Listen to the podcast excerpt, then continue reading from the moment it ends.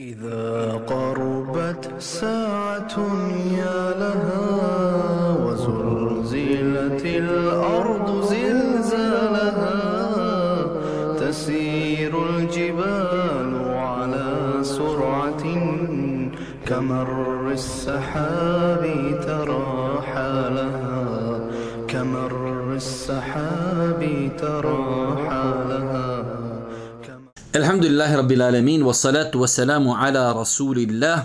Rabbi šrah li sadri wa jesir li emri vahlul uqdete min lisani jefqahu qavli. Doista svaka zahvala pripada uzvišenom Allahu te baraka ta'ala salat miri selam na Allahu poslanika, Allahu milnika Muhammeda alaihi salatu wa salam, njegovu časnu porod uzete ashabi i se ljude koji slijede put istinu sudnjega dana. Vraću moja draga, evo nas opet u našem projektu Čitaoni. Mi smo već kroz ovaj projekat pročitali dosta korisnih knjiga, najviše knjiga smo čitali od naših šeha, Hafiza doktora Hajrudina Mjetovića. iako smo čitali uz to i neke knjige od šeha Safeta.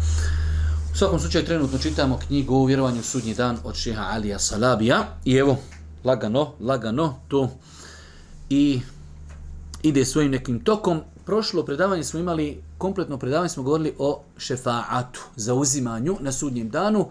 Spomenuli smo stavo islamskog učenjaka u pogledu tog pitanja i spomenuli smo vrste šefata kao i uvjete da bi se za određenu osobu mogao šefati za uzimanje e, desiti i dogoditi. Govorili smo čak i o određenim dijelima koja mogu biti razlogom da čovjek zadobije šefat Allahu poslanika alihi salatu veselam.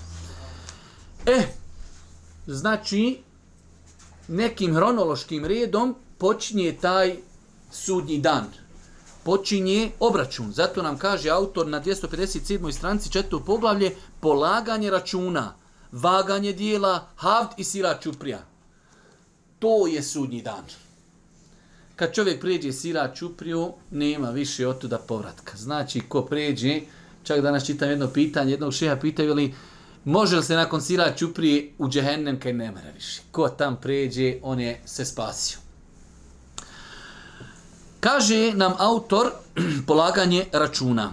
Pod polaganje računa podrazumijeva se to da ljudi stanu pred gospodara i da ih on upozna s njihovim dijelima, riječima i vjerovanjem ili nevjerovanjem koji su nosili u srcu s dobrim, i s dobrim dijelima i grijesima i s nagradom i kaznom. To je, ajde da kažemo rezimirano, čovjek stane pred gospodara da ga upozna s njegovim dijelima, vjerovanjem, postupcima da mu se djela obračunaju i da bude nagrađen ili da bude, ne daj Bože, kažnjen. To je e, jednom riječu kazano sudnji dan, polaganje računa.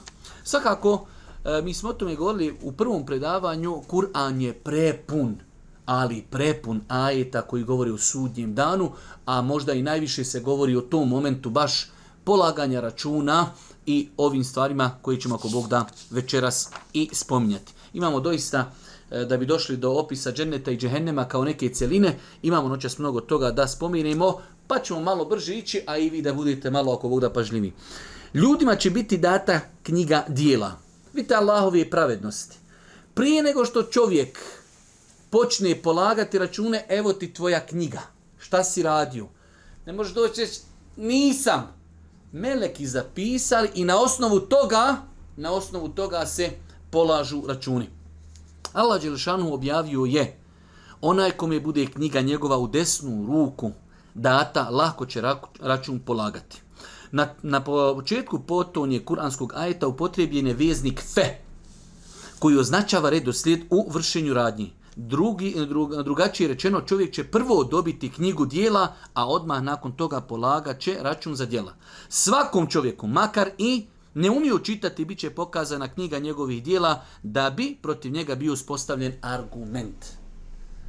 Znači, prije polaganja računa, meleci su čitav tvoj život evidentirali, prije, prije polaganja računa daje ti se tvoja knjiga, znao čitati ili ne znao, da bi se uspostavio dokaz protiv čovjeka. Knjigu dijela vjernik će dobiti u desnu ruku ispred sebe. Ovako će mu je dat ispred sebe, a nevjernik u lijevu ruku iza leđa. Allah ne bi nekako ovako lijeva ruka iza leđa. Kaže uzvišeni Allah, onaj kome se knjiga njegova u desnu ruku njegovu da, reći će. Evo vam, čitajte knjigu moju. Znači to kad čovjek vidi da dobija knjigu u desnu ruku, to je već šta? Pokazatelj, inšala, da je se spasio.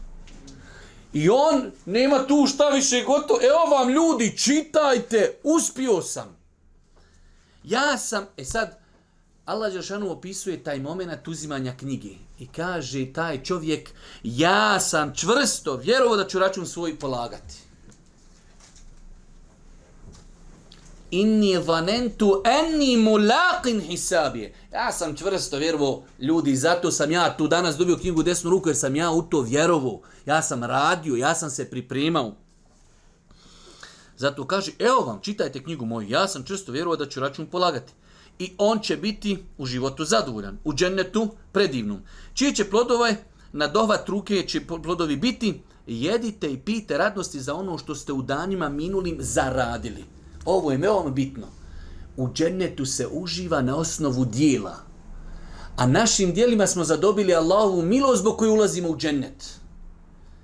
Pa kad ljudi kažu ja dobar musliman, ja ne klanjam, ja sve, ali ja dobar musliman, to je čista demagogija.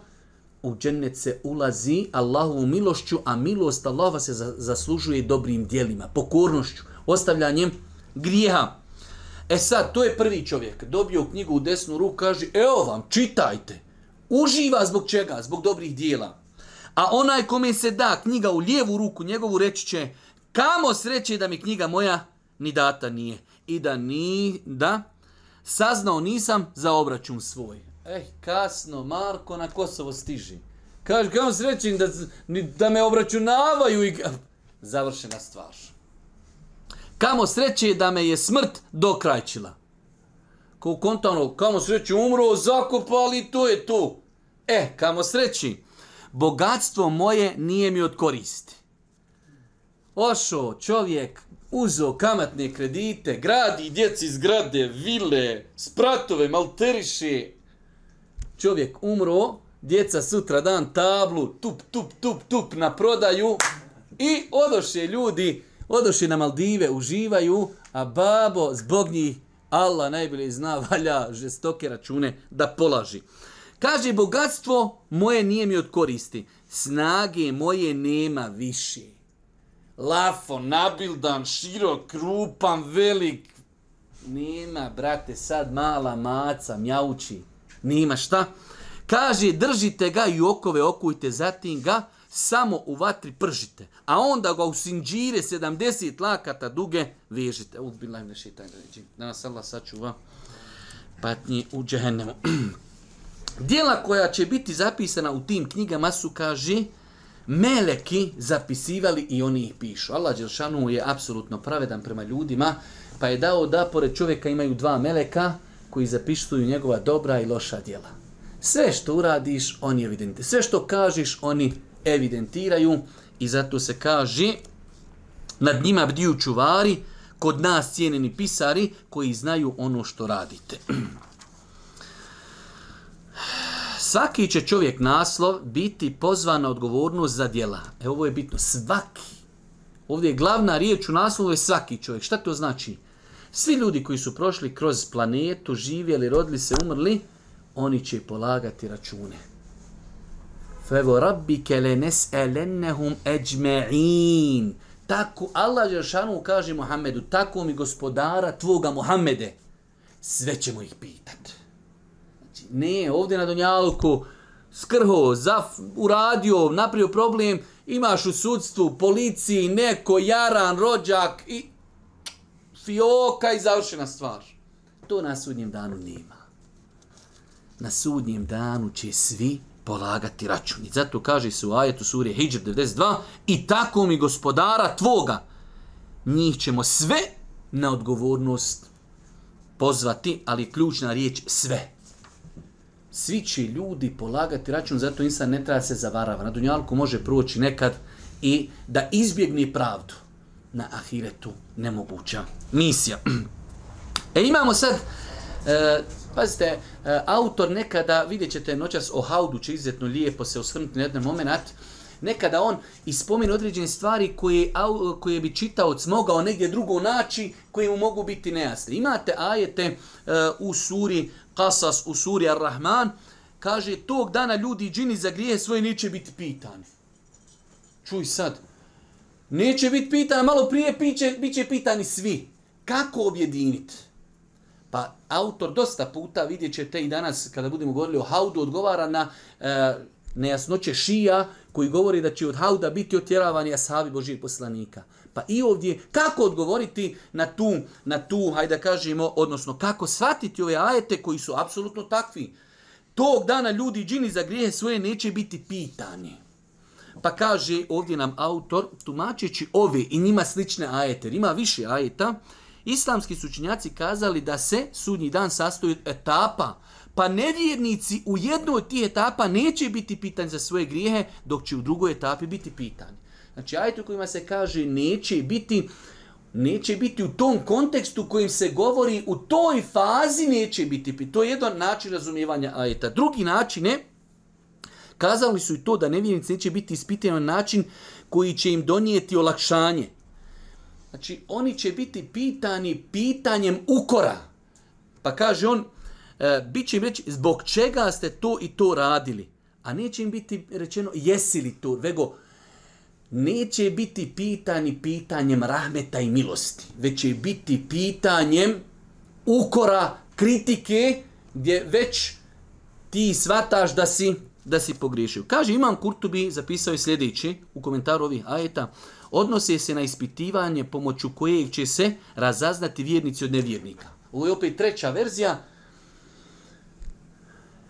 Kada ih budu ispitivali, vjernici će se na sudnjem danu prepoznati, sjajit im se ruke i lice i noge mjesta koja su znači, prali prilikom abdesta. Nevjernici to nemaju, pa se na njima odmah pozna da je nije musliman, pa ga neće pitati onako kako pitaju muslimane, već će ga pitati onako kako se pitaju nemuslimani. Drugim riječima kazano, meleki neće biti u potrebi za tim da bilo kog čovjeka na sudnjem danu pitaju koje je vjere bio i šta je radio na Dunjalku, pa da ih on obavijesti u tome je li bio vjernik ili nevjernik. Lica onih koji su vjerovali bit će svjetla i tako dalje. Allah mudri da će da nevjernici polažu račun i da njihova dijela budu vagana iako su u osnovi ništavna. Vidite kako je Allah pravedan. Nevjernik, ali idi polaži račune. Pa kaži zašto? Prvi razlog je da se onima koji nisu vjerovali oduzme isprika i da se glede njih očituje Allahova pravičnost. Allah je pravedan i da nemaš isprike.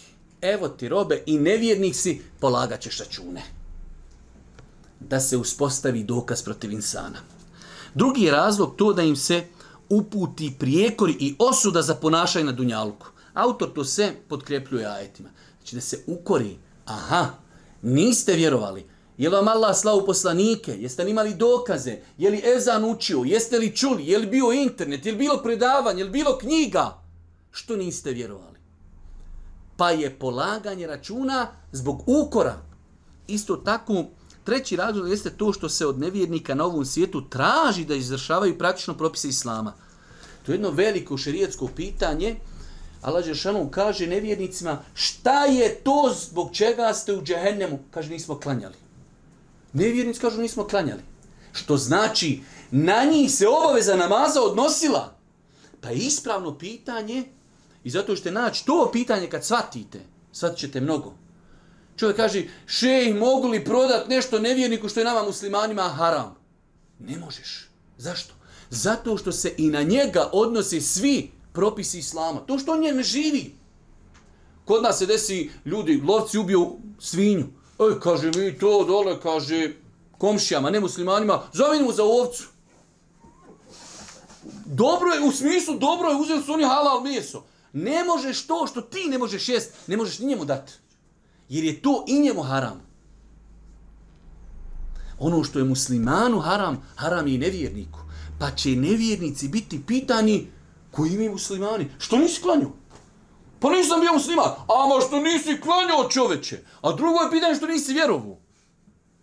Pa će i oni odgovarati za svoja dijela zašto nisu radili. I četvrti razlog kaže to što se nevjernici razlikuju u pogledu težine grijeha koji čine na ovom svijetu, pa će stoga na temelju obračuna i biti kažnjeni različitim kaznama u vatri. Kako Allah pravedan? Nevjernik, ali bio nevjernik i pobio 300 miliona muslimana. Bio čovjek onako nevjernik, ali čovjek nevjernik. Neće isto biti kažnjen. Koliko si zaradio, toliko naplaćuješ, koliko si zaradio, toliko naplaćuješ. Bez obzira što goriš imaš temperatura 800.000 stepeni, a imaš temperatura da samo eto cvrkućeš i da cvrčiš, da goriš. Kaže, za šta će čovjek polagati račune na sudnjem danu? Ovo je jedno posebno opet pogled, jer cijelo vrijeme nam autor govori o polaganju računa. Pa on postavlja pitanje, za šta? Najkraće je kazano, za sav svoj život od punoljetstva. Znači, e, naša vjera je toliko savršena i potpuna. Ajte, ostavite vi koji kuckate mobitele, ostavite mobitele. znači, od momenta kad čovjek postane punoljetan, pišu mu se grijesi. A do tada mu se pišu sevapi. Vidite kako je Allah milosti. Dijete malehno, 10 godina dadne sadaku, meleki pišu. Uradi grijeh, meleki ne pišu. Svakako ne znači, o, ja, brate, idemo.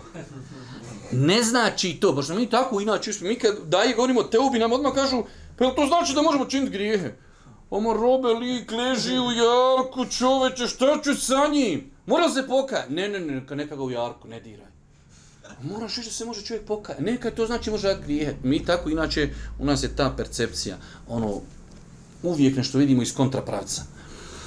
Pa se djeci pišu dobra djela, griješi im se ne pišu dok ne postanu punoljetni.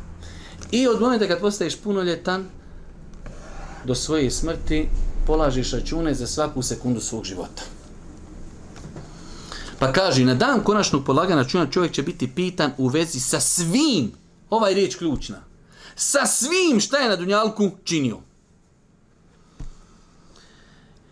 Jedno od tih dijela, kaže, jeste nevjerstvo, da znači će ljudi biti pitani, jesi li vjerovo? Nisi vjerovo. Biće pitani o dunjalučkim užicima thumme le tus'elunne jeume na'im. Tog dana ćete biti pitani o užicima. Vjerujte. Svakim danom sam sve viši uvjeren i ubijeđen.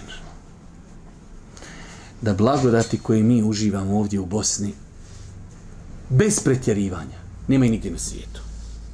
Eto, vjerujte mi. Znači, znate da sam i po istoku i po zapadu kontaktiram s ljudima. Ove blagodati koje mi, iako smo mi ono i kivni i na državu i na politiku i inače smo mi tako. Ja znam, ono, gore ideš, letiš u Švedsku, i sletiš na aerodrom avion 300 ljudi i jedan dole šveđan pečati. I svi šute, vrate, red je, nas 300 stojimo šutimo ko zaljeveni, razumiješ. I on te uzme cijepa, vrate, izvadi novčanik, gdje ideš, kad se vraćaš, koliko se sve, i ti se smiješ i on s tebi smije. Sletiš u Tuzlu, deset oni dole pečati. Šta je ovo, ba ne mogu čekat, ovo sam ubo snima. Gledaj, kad čekam ovo, vidi ovi ovdje frajera, znaš. E to smo mi. Takvi smo mi. Nama naša, sam Bosna ne velja. A to je najbolja zemlja. Ima javašluka, ima prevar, ima mita, ima korupcije. Ali si ti svoj na svome. Tu se uči jezani, tu se robuje Allahu, tu se ne stidiš. Pa živimo velike blagodati i bit ćemo za njih pitani. Ovo je pojenta. Bit ćemo pitani za blagodati da si mogao slobodno reći selamu alikum, da se žena mogla nositi mahramu, da je mogla nositi hijab, da si mogao proučiti ezan, da si mogao zaklati kurban, da si mogao dati sadaku, da si mogao štampati knjigu, da si mogao kazati, da si mogao reći, da si mogao... Znači, vjerujte, to su velike blagodati u današnje vrijeme. Pa će čovjek biti pitan, zatim ćete toga dana za sladak život biti pitani, sigurno. Isto tako, Čovjek će biti pitan za čulo sluha i vida i za srce. Biće pitan za namaz kao prvo djelo. Kaže se u radosnom nadisu čovjek će na sudnjem danu pred Allahom neće se pomjeriti sve dok ne položi račun za život, za mladost, za imetak i za znanje i za svoje tijelo. To je rivajet, znači vjerodostojan. Pitaćete za život, čita život, za mladost, za imetak, dva pitanja. Kako si sticu i gdje si trošio? Pitaće te za znanje, jesi po njemu radio, i pitaće te za tvoje tijelo. Zato kod nas čovjek se istetovirao ili hoće čovjek jedno posebno sad pitanje, doniranje organa i ovako i onako. Ljudsko tijelo ima svoju svetost. Ljudsko tijelo ima svoju svetost na koju čovjek vjernik treba da pazi. Kaže, osnovna pravila, sad nam autor kaže, eh, evo, ovi koji čitate knjigu, da vidite neka pravila kako će se na sudnjem danu polagati račun. Pa kaže, prvo pravilo jeste da će uzvišnji Allah suditi krajnje pravedno. Te sad, ne samo kod nas, i u cijelom svijetu, ti kad predaš onih papira kod se s nekim parničiš, nisi ti siguran da će to ići po pravdi. Jel poznat, nije poznat, je li ga znaju, je li ga ne znaju, imali rođaka, imali prijatelja, kako kod nas, tako je to svugdje u svijetu. Kad ste čuli, hm, osim veoma rijetko, da se nekim velikim glavešinama sudi. Pa ljudi napravili, napravili grijeha i prekršaja milione i more. A zato bijede jadne suđe ima po zatvorima i njima se svima jadnicima sudi na sudnjem danu pravedno. Ko uradi trun dobra, vidjet će ga. Ko uradi trun zla, vidjet će ga. Sinoć, ajde ovo da vam ispričam, inače ne pričam o životu, ali nešto neće sad na oči. I ja ti sjednem, taču sam u kući, djeca spavaju, hrču, sjedio i zikrio i šučuro i čito, je, više ne znam ni šta ću po internetu, gledao na piku auta, vako, nako, nema džeme, nije bilo. I napadne mi, imate u Kur'anu, a volio sam sam ponio, sam znao da će mi ovo naleti, da će mi šeki došapnut, pa ponio bi, ali nisam znao. U datuli hurmi imate tri komponente kad uzmete, izvadite svakako, ne u svakoj vrsti datule, zato što shodno periodu kad je datula ubrata, ali uglavnom imate košpicu i na košpici, kako je košpica ovako zatvorena, imate jedan konac, oko košpice imate, znači, onu tanku, tanku, kao kožicu, a na leđima svake košpice imate nešto ko da je ovako nešto, neko prokljucu malo. Pa Kur'an E, govori, mi ćemo se ovdje, vratit ćemo se mi, znači, na, na pravila, znači, e, zašto govorimo pravda. Allah Đelešanu kaže, u Kur'anu spominje, mir za širk. Za ljude, kaže, koje ljude, ljudi, ona njihova lažna božanstva nemaju ni kitmir. Kitmir je ona tanka prozirna kožica. Znači, ona je toliko tanka kaže 0 zarez pa 5 0,29 dio grama. 0 zarez pa 5 0 pa 29 grama. E kaže, oni nemaju ni tu kožicu od datuli. A van kad govori o vjernicima kaže Vola mune fetila i od toga ja skontam sinoć u tim svojim inspiracijama duhovnim u riječniku tražim Kažu oni ima ta riječ fetil, ona može biti u kontekstu neki ovi eksplozivnih naprava. Pa čoveče, reko to naš fitil. Fetil, fitil, sto posto čoveče. Kaže, vjernicima se neće nepravda učiniti koliko je fetil. Znači sad ono kako je košpica zatvorena, ona ima taj konac, ono zatvori on to lijepo. E taj konac iz datulije neće se učiniti nepravda. A na drugom majetu kaže i neće la yuzlamune nekira, nekire to na leđima košpice ima ta, evo ovako znači, ima na svakoj leđi košpici, ima ako neka mala rupica. E kaže, ta mala rupica neće biti nikom je zulum toliki učinjen. Kako je Kur'an, ali sve u nas sve prevedeno, ništa ne posjeduju, nikom se nikakav zulum, nije to prevedeno, znači baš ono, hajde kaj teško je to tako i prevesti, ali apsolutna pravda. Znači vidio si kolika je ona tanka, tanka košuljica na košpici. Vidiš kroz nju. E, nema zulma, nema nepravdi. Pa je sudnji dan, dan pravdi. Druga stvar, drugo pravilo, da niko neće snositi posljedice za tuđe grijehe. Kad čovjek radite, ba ja vam reku. Šuplja, Allaha mi, navlačite, Allah, petlja. To što ti uradiš, ti ćeš ma ponositi za to grijehe. Hoće on i njemu se piše šikta tamo, aha, širio si fesad, daj mu svi ovi što su radili, što je pozvao, na tovari. Ali ti uradio gre, ma ti za njega snosiš ba odgovornost.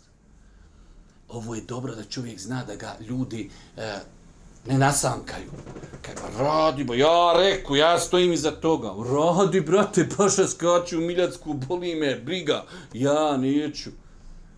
Znači, niko neće za tuđe grijehe odgovarati. Hoćeš odgovarati ako si ljude pozivao u grijehe, oni kog budu, god, budu radili grijeh, imaš i ti tu procenat. Pošto mi sad ono baš procenti sarapima, volimo te riječi, procenti.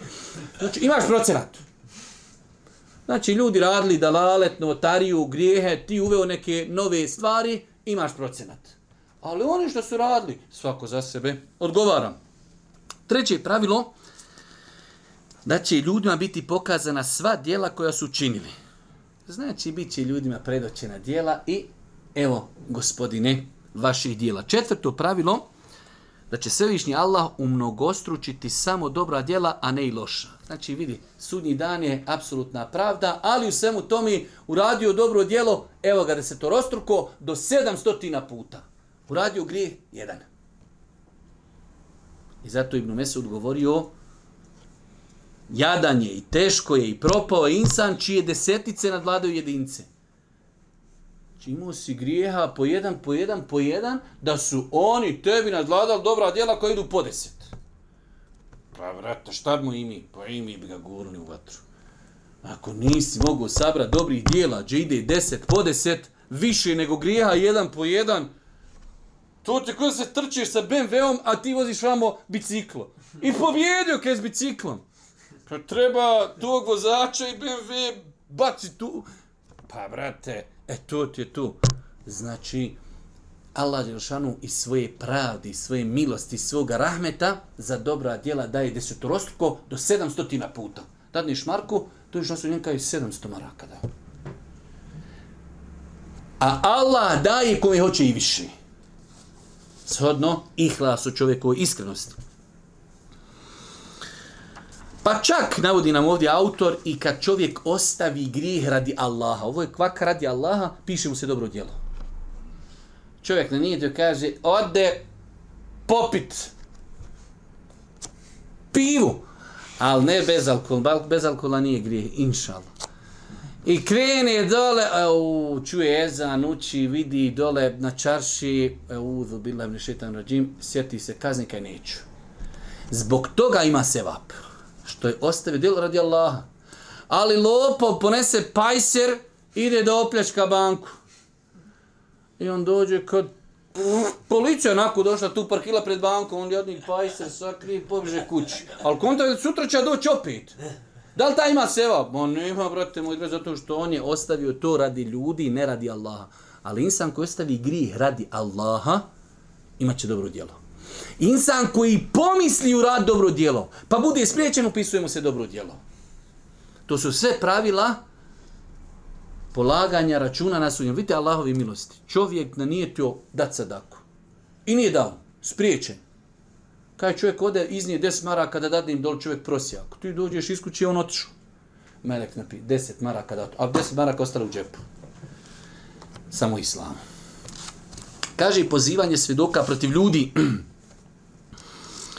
Ima čak i peto pravilo da će Allah ljudima koji se pokaju loša djela pretvoriti u dobra djela. I to je od pravila polaganja računa na sudnjem danu da će ljudima loša djela koji se pokajali Allah pretvoriti u dobra djela kao što stoji u suri Furkan 70. E sad, sastavni dio polaganja računa jesu i svjedoci. Pa imamo, kaže, Ipak će se višnji Allah svoje pravi, e, savršene pravičnosti, a da bi oduzeo ispruku svima, dati da na sudnjem danu protiv ljudi svjedoče mnogi različiti svjedoci. Pa imamo meleke koji će svjedočiti ja rab, uradio je to, zapisano to. Pa meleki svjedoči protiv čovjeka. Isto tako, poslanici, poslanici će svjedočiti protiv svoga naroda su dostavili. Jer vidjet ćete poslije u hadisima, ljudi će doći kaže, nije nam ništa dostavio. Jer ljudi kad vide džehennem, kad čuju, kad vidi da je istina sve ono što se govorilo, nema tu više granica u pokušaju da se čovjek spasi. Nikad, poslanik kaže, ja dosekaj, nije dostavio, loživa. A čekaj, daj da vidimo šta kažu meleci. Daj da vidimo ostali svjedoke. Pa jedan od svjedoka poslanikov umet, mi. Jer naš sastavni dio vjerovanja jeste šta? Da mi vjerujemo sve poslanike i vjerujemo da su svi poslanici dostavili poslanicu kako im je Allah naredio.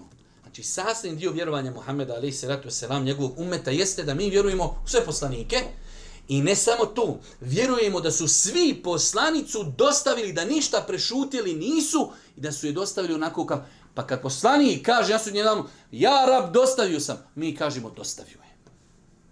Makar ga nikad ne vidjeli, jer u to vjerujemo. Pa je poslanikov umet, znači svjedok, kaže, u hadisu stoji od Ebu Saida, pojavit će se Nuh i njegov narod, pa će Allah Nuha upitati, jesu li dostavio objavu? Jesam gospod, dostavio sam.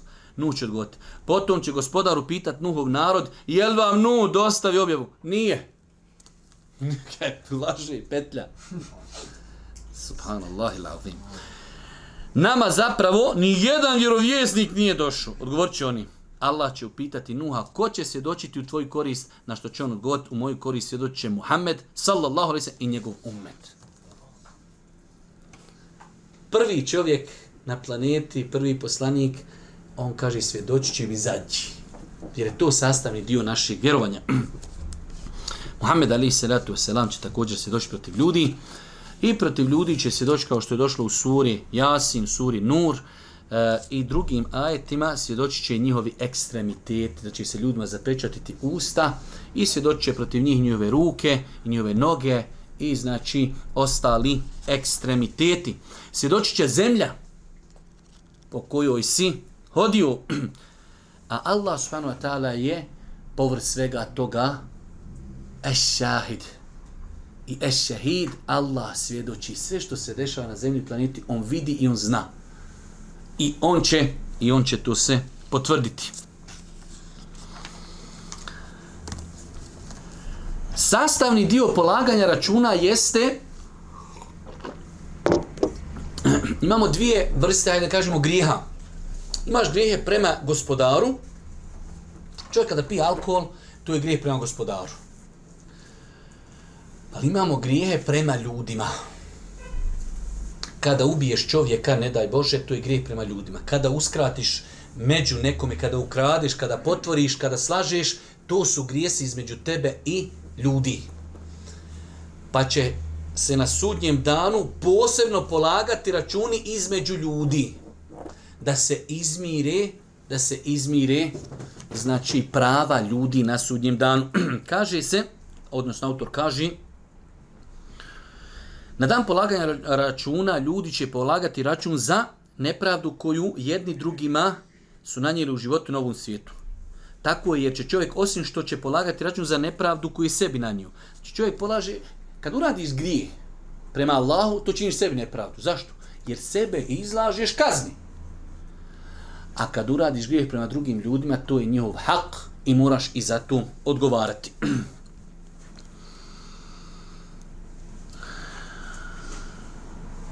Vjerovjesnik sallallahu sam rekao je koji je nekome učinio neku nepravdu u pogledu časti ili nečeg drugog.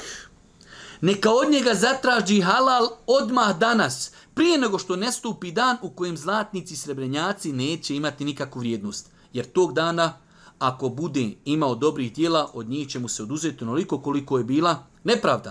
A ako ne bude imao dobrih dijela, onda će mu se dati od grijeha onog kome je nepravda učinjena, pa će, pa će se njima natovariti. To su valuta ahiretski. Dobra djela i grijesi. Kaže lik, ali ja sam propao, ja nemam jedno dobro djelo. Ne sekiraj se, imamo i za tebe rješenje. Ima li onaj tamo grijeha? Ima. Prebacuj. Pa je sudnji dan razmirivanje ljudi putem dobrih i loših djela. U smislu, Uzima se od dobrih dijela čovjeku dok se ne izmijeni zulum, nepravda i prava onoga kome se oduzeti. Nestalo, potrošeno dobrih dijela, čovjek kaže završen nula. Ne, ne, ne, imamo mi drugi metod. Od grijeha onoga kome si nju nepravdu se daje tom čovjeku. Zato je poznati hadis o bankrotu, da na kraju se kaže, a zatim će biti bačen u vatu. A početak hadisa je kaže, bankrot je od mog umeta onaj ko uđe na sudnji dan s namazom, postom, zekijatom. Znači, nije to ovaj šupljak naš, kao, ni klanja, ne posti, ništa kao je dobar. Ne, ne, ovaj pravi mu'min, pravi, klanja, post, zekijat, ima mnogo toga. Ko brda, ali potrošio. Pa je zadnja rečenica kaže, a zatim će biti bačen u vatru. I to je sastavni dio polaganja računa. Čak, kaže autor, pokazatelj lavi sa e, pravičnosti i to što će na sudnjem danu poravnavati račune čak i među životinjama. Dvije ovce se udarale i dva ovna, jedan nije imao rogove, ovaj jedan imao rogovi. Svakako ovaj u prednosti. I onaj koji nije imao rogove, mi to na selu smo zvali šulav. Olav, ovan, kaže, on će doći gospodar reći, gospodaru, ovaj me udaru, imao je rogove. A ja nisam imao rogove. Pogledajte pravdi. Životinje nisu bili razumni ali pravda. Pa kaže nam autor nakon toga e, da jedna od posebnih stvari koje čovjek treba pasti jeste opasnost proljevanja tuđe krvi. Čak je to došlo da čovjek sve je u prilici da se vrati i pokaje dok ne daj Bože bespravno prolije tuđu krv. Allah poslanik Ali se sam rekao je ubijeni će dovesti svoga ubicu na sudnjem danu. Vidite ovo. Subhanallah. Ubijeni vodi svog ubicu. A kaži, ubica će u rukama držati glavu ubijenog. Ovaj njega vodi, jer sudnji dan, morate, naučili smo to pravilo odmah na početku, sudnji dan se ne može, ne može se on E, razumjeti po dunjalučkim parametrima. Zato kad su rekli Božim poslaniku kako će, kaže, čovjek hodati na licu, e kaže onaj koji je stvorio da može hodati na nogama, on ga može stvoriti da hoda na licu. Jer imaju situacije kad će ljudi e, na, na sudnjem danu biti tako da će hodati na svom licu. Pa u ovom slučaju ubica, ubijeni vodi ubicu, ubica drži glavu, a njemu šiklja krv. Ovom je ubijenom. Pa kaže, ubijeni će dovesti svoga ubicu na sudnjem danu. Ubica će u rukama držati glavu ubijenog, a iz vrata ubijenog šikaće krv. Ubijeni će sve dok se približi Aršu govoriti gospodaru upitaj ovoga zbog čega me je ubio. Sad po našim parom kako će govoriti nema glavi, to je sudnji dan. Tamo ne važi dunjalučka pravila i dunjalučki parametri. Zato Aisha, kada je poslanik rekao, kad se ljudi budu proživljeni, bit će goli, bosi i neobrezani. Ona još razmišlja dunjalučki, žensko, stidje. Prva stvar koja pada na kaže, Allaho će muškarci i žene zajedno gledaju jedni u druge. Kaže Aisha, nikome neće biti do da gleda u nekog. Znači tamo su drugi parametri. Tamo priča čovjek koji nema glavi. A pogledajte prizora tog ubica, ubijeni ga vodi, on drži njegovu glavu. Iz njegovog vrata šiklja krv. I on kaže gospodaru, pitaj ga što me ubiju.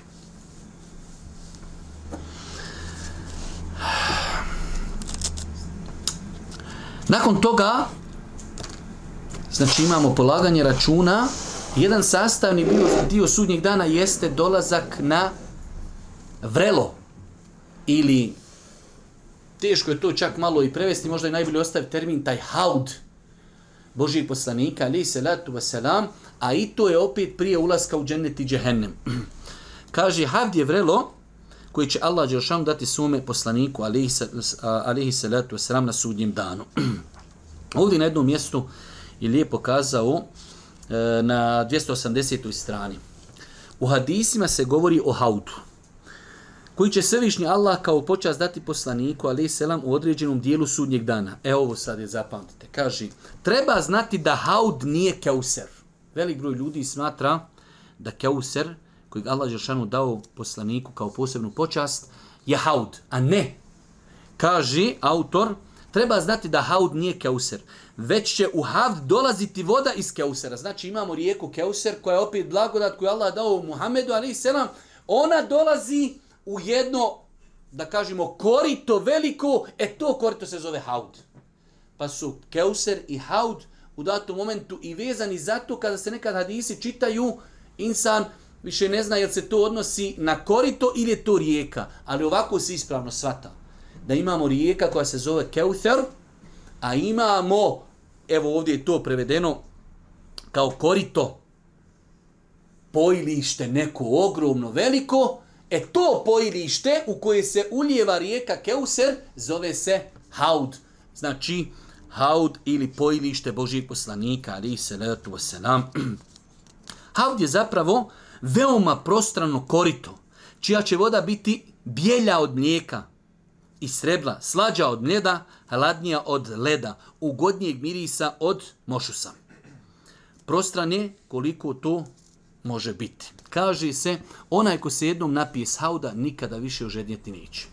Tako su potvrdili hadis. E sada imate ovdje, autor je spomenuo nekoliko hadisa e, oko kojih zalutila sekta šija se voli uzijeti, onda jer oni, njima je e, inspiracija da psuju po ashabima Božijeg poslanika, ali se letu selam pa je autor odgovorio ovdje, a ja sam bio, ko je pripremio knjigu Historijska epoha od Osman Hamisa, Allah je počestio mene da ja budem prevodioc te knjige, u kojoj Osman Hamis, inače Osman Hamis je znači jedan od najvećih eksperata na planeti kada je u pitanju odgovor na šizam i njihove dalalete i zablude.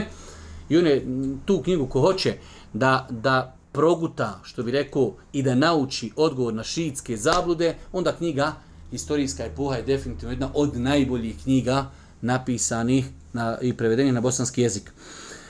Pa i sam šeh Osman je, eh, Hamis Hafidahullah, eh, kao prva nejasnoća vezana za sahabe jeste ovaj hadis. Je Boži poslanik spomenuti više hadisa da kada ljudi počnu dolaziti, određene ljude će kazati to su ashabi, ali će mu biti rečeno ti ne znaš šta su on radili nakon tebe, pa će biti otjerani od tog hauda. I onda su šije to, evo ga, evo ga, hop, ali nisu njihovi ashabi, imaju oni svoje ashabe, oni će moći proći. Ebu Bekri, Osman i Omer ne mogu proći, ali drugi mogu. Pa onda, znači, veoma je bitno znati kako razumjeti te hadise.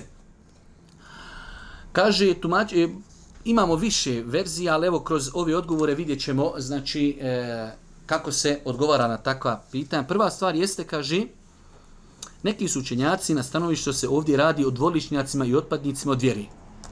Čimate, imate ljudi za vrijeme Božih poslanika, ali se ratuje selam, su bili kao ashabi. Božji poslanik je umro na to i da su to njegovi ashabi. I oni po nasudnjem danu ne zna poslanik gajb. To je moj ashab.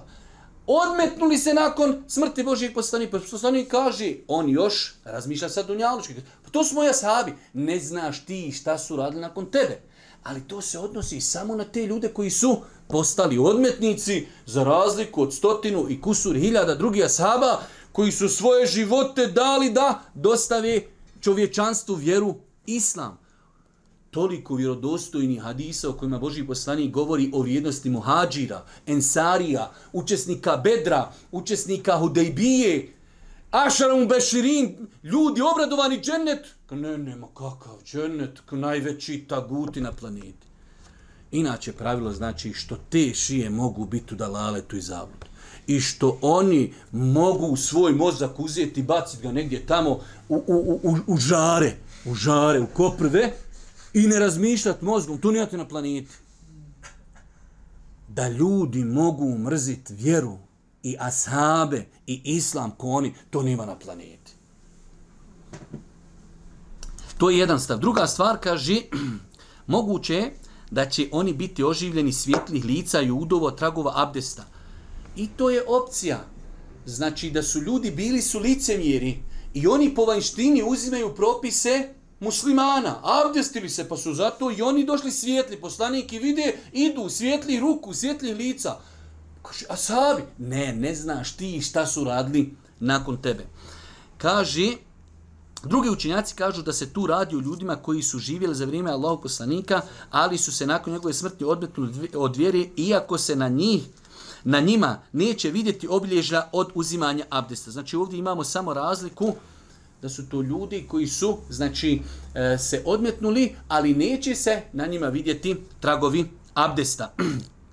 Treći jedna grupa učenjaka smatrala da se ovo odnosi na velike griješnike koji su umrli kao muslimani, kao i na one koji su vodili novotarije. Jer je došlo u rivajetima, ne znaš ti šta su oni uveli u vjeru nakon tebe. Poslanik je vidio su muslimani, svijetli ruku, svijetli lica, ali zbog toga što su vodili novotarije u vjeru, ne možeš u haud. Čak kažu islamski učenjaci, to što će neko biti odbijeno od hauda ne znači da će u džehennem ali je uskraćen te blagodati. To je ispravan ispravan e, način svatanja hauda Božih poslanika, da će određenim ljudima biti zbog grijeha koji su radili, da li zbog toga što su se odmetnuli od vjeri, da li zbog novotarija koji su radili, bit će im uskraćena ta blagodat da se napiju sa hauda Božih poslanika, ali ih se na to sam. Prema tome, za njih e, koji će biti otjeran s hauda, ne može se sa sigurnošću kazati da će ući u džehennem. E ovo je bitno.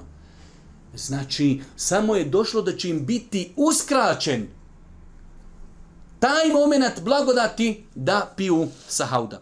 E, ovdje nakon toga još, e, hajde kažemo, e, detaljnije govorio o tome autor, ali mislim da nemamo potrebe da se toliko zadržavamo ko hoće E, znači e, da detaljnije čita ovdje e, može pročitati na 284. stranci, a isto tako da se vrati na knjigu Osman Hamisa, znači to je, što bi rekli, to je mjera. Knjiga Osman Hamisa, definitivno najbolja knjiga napisana u bosanskom jeziku, prevedena na bosanski jezik kad su pitanje odgovori na šiitske nejasnoće. Nakon toga,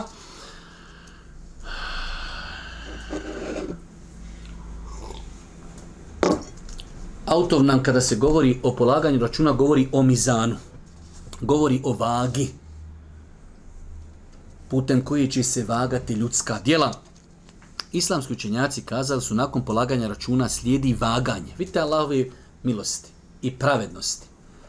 Pokaže ti se djelo, obračunaju ti, e sad hajde da se još to i izvaga. Pa će se, znači, dobra i loša djela vagati na sudnjem danu. Nakon polaganja računa slijedi vaganje dijela kako bi se ustanovilo koliku, ko nagradu, odnosno kaznu zaslužuje. Vaganje dijela i vaga općenito u Koranu spomenuta i tako dalje. Znači, imamo dosta koranskih ajeta koji govori o vaganju dobrih dijela na sudnjem danu. Mizan ili vaga je izuzetno precizna vaga. To je prvi opis da je to izuzetno precizna vaga koja će vagati, znači, ko uradi trun dobra, vidjet će, ko uradi trun zla, vidjet će ga.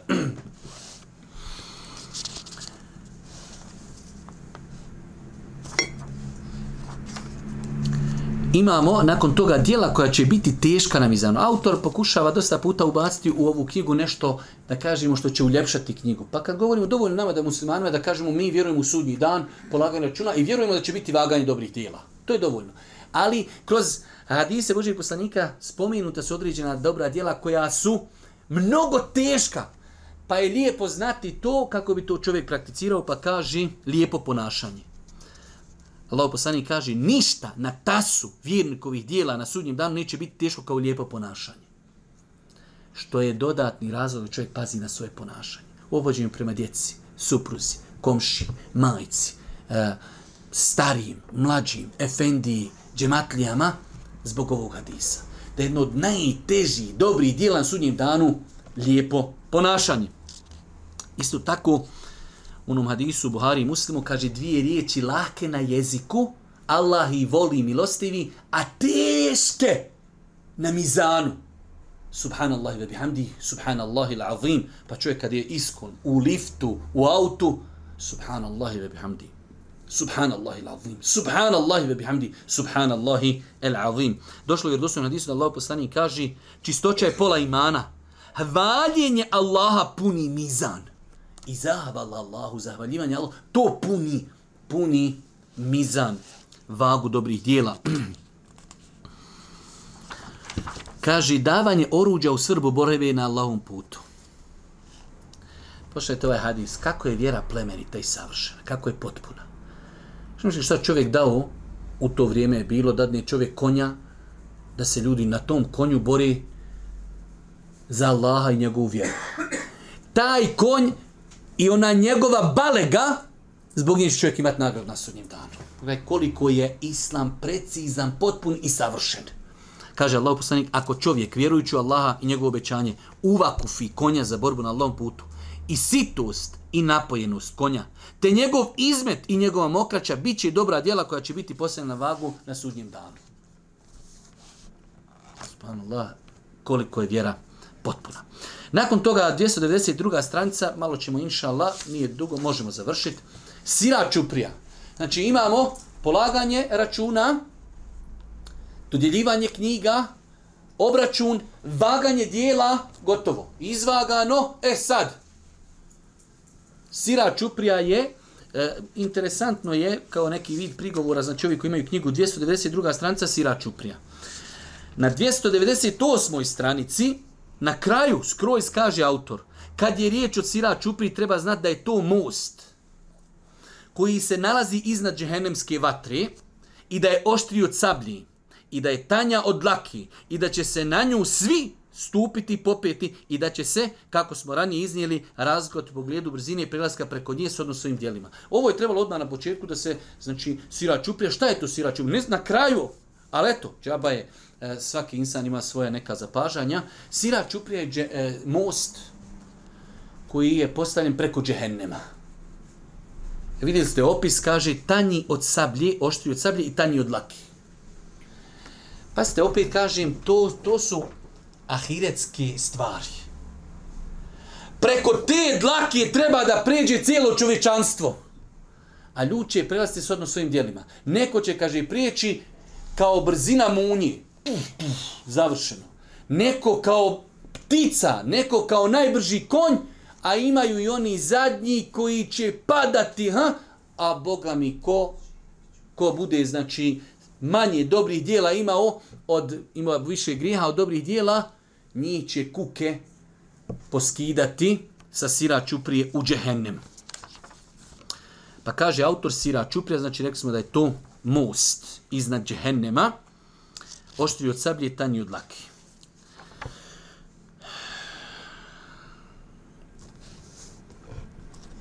Imam ovdje neke stvari, ali hajde onaj samo da inšala uspijemo to da, da završimo. Kaže, Ebu Sa'id radijal prenosi u podružim hadisu, potom će se kad govori znači o sudnjem danu, pa on kaže potom će se iznad džehennema postaviti sira čuplja i bit će dopušteno zagovaranje. Poslanici će govoriti Allahumme spasi, spasi. Znači poslanici, najodabraniji ljudi u tom momentu kad vidi sira čuplja, on će govoriti Allahumme selim, selim. Zato i danas Arapi kad vidi nešto teško, Allahumme selim, selim, spasi, spasi, Arab poslanici će molta Allah da ih spasi u tom momentu. Kaži, u verziju koju bilježi ima muslim, na to se dodaje. Neko je upitao, Allah poslaniče, šta je sira čuplja? Na što on odgovorio? To je mjesto poskliznuća i padova. Na njemu će biti kuke, željezni kukasti štapovi i bodlje, koji sliči jednoj vrsti velike biljke s kukastim trnjem, što raste u neždu. Zove se Esa'dan. Neki će vjernici prelaz preko sira čuprije brzinom pogleda. Već on dološao. Ti dok pogledaš on na drugoj strani. Neki će, kaže, brzinom munje, neki brzinom vjetra, u sve riječ Božih poslanika, neki brzinom ptice, a neki brzinom rasnih konja i deva. Neki će se spasiti, netaknuti, drugi izgrebani, a treti će biti odvučeni u džehennemsku vatru. Vjernici će biti spašeni od vatre. i znači, različiti rivajeti u kojima Allah poslanik opisuje tog zadnjeg čovjeka. Pada Vatra ga prži, ustaje, pada, ustaje, pada, ide. I kaže, kad je prešao, kaže, hvala Allahu koji me sačuvao od tebe. Meni je, kaže, Allah dao ono što nikom nije dao od prvih ni potonjih generacija. Samo prijeći preko sira čupri, on će smatrati da je to najveća blagodat.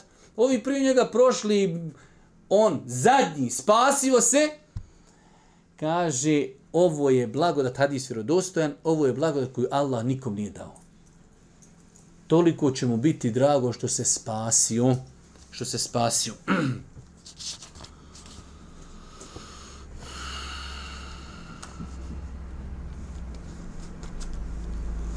Kaže se u drugom hadisu, ljudi će voditi i predvoditi njihova djela, a naš vjerovjesnik biće na sirač upri i molit će gospodaru spasi, spasi.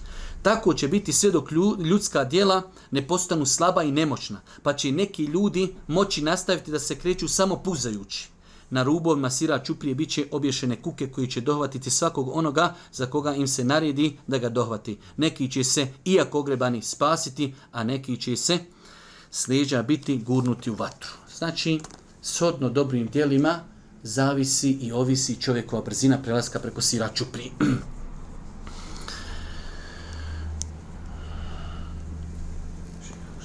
evo, vidim ja, pratim, inšala, u redu je. Zadnja stvar, i to je posljednja stvar, alhamdulillah, vidite Allahovi milosti. Ljudi spasili se. Ko pređe sira čupriju, gotovo je. Završeno, spasio se. Ali, to smo mi. Još je u srcu ostalo, vidiš Hasu, u Hasu na nju Belaj tamo, crkla krava zbog njega, pomjerio menjik, ali Haso se spasio. On ima neki svoji drugi onaj, dobri djela, spasio se Haso i ti. A ti na Hasu režiš ono dobro, i Haso na tebe, Boga mi, reži i on, momački. Imamo mi svi te neke na koje režimo. Da Allah oprosti, ima nekad insan osoba toliko ga uvrijeda kaj je, brate, da Allah oprosti, aj neću reći krupnu riječ, ali znaju ljudi jedni drugi uvrijediti. Ali džavo, možda čovjek tebe uvrijedio, s druge strane radio lik, spasio se. E sad hoće gospodar da uđete u džennet, kad se tamo sretnete, da je to pobrisano. Pa se zove mjesto Qintara. Završeno. Sad se tu izmiruju, ali kažu Lema, neće biti to razum, da se neko vrati u džehennem. Sad se tu malo još oni naduravaju, ali da se pobriši iz njeovi prsa ono što osjećaju prema drugim ljudima da tamo uđu u džennet čisto. Jer u džennetu nema zlobe, ne tamo. Mi bi to malo ostali, ga vidi da ga, ono, da ga pogledam.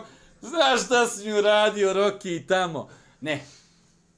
Tamo je, kada ga sretniš, završeno sve. Pa kaže se, pošto vjernici prijeđu sira čupriju, bit će zaustavljen na jednom mjestu između dženeta i džehennema, zove se to mjesto Kintara. Tu će biti očišćeni tako što će biti poravnati njihovi međusobni računi i bit će namirena nepravda koju su jednim drugima učinili na Dunjalku. I u džennetu će stupiti potpuno čisti i čestiti. Niko ni od kog neće potraživati namirenje bilo kakve nepravde, niti će iko prema bilo komi osjećati zlobu. وَنَزَعْنَا مَا فِي sudurihim. Iz njihovi, kaže Allah, pa to, ne, to, to smo mi u korijentom i zaljevamo, to je se ukorijenilo suljo žestoko, Allah je nije rekao kao... Iščupat ćemo te, Nek ostane malo neko ono ključa. Ne ključa. Kaže se, tu su poslanikovi riječi, spas će se vjernici od džehennemske vatre i bit će zadržani na mostu između dženneta i džehennema. Tu će biti, ovo su riječi hadis, riječi Božeg poslanika, tu će biti poravnati njihovi međusobni računi zbog nepravdi koji su među njima zbile se na dunjalku a kad se očisti, dozvolit će im se da stupe u džennet. Kaže Allah tako mi onog čijoj ruci je Muhammedova duša, on će bolje poznavati svoje boravište u džennetu nego što se nego što poznavali svoju kuću na Dunjaluku. Znači, jedna od blagodati dženneta je sviška. kad se čovjek putuje, na primjer, iz Australije. I on sad zna, letim iz Australije, za Istanbul, pa iz Istanbula ću imati liniju u Sarajevo, pa iz Sarajeva ću autom do Uzencu, pa iz Zence ću gore negdje u Šeriće i ide on u svoju kuću. Sad trebalo je avionom, pa taksi, pa balađa, pa, pa sve. E, u tu ti, tu svoju lokaciju, svoj plac, znaš ga bolje nego ovaj naš što je u Australiju i što treba da se vrati u Šeriće na tu svoju njivu. Allah molim da nas učini od stanovnika dženeta. Subhanaka Allahumma wa bihamdika, ashhadu an la ilaha illa anta astaghfiruka wa atubu ilaik.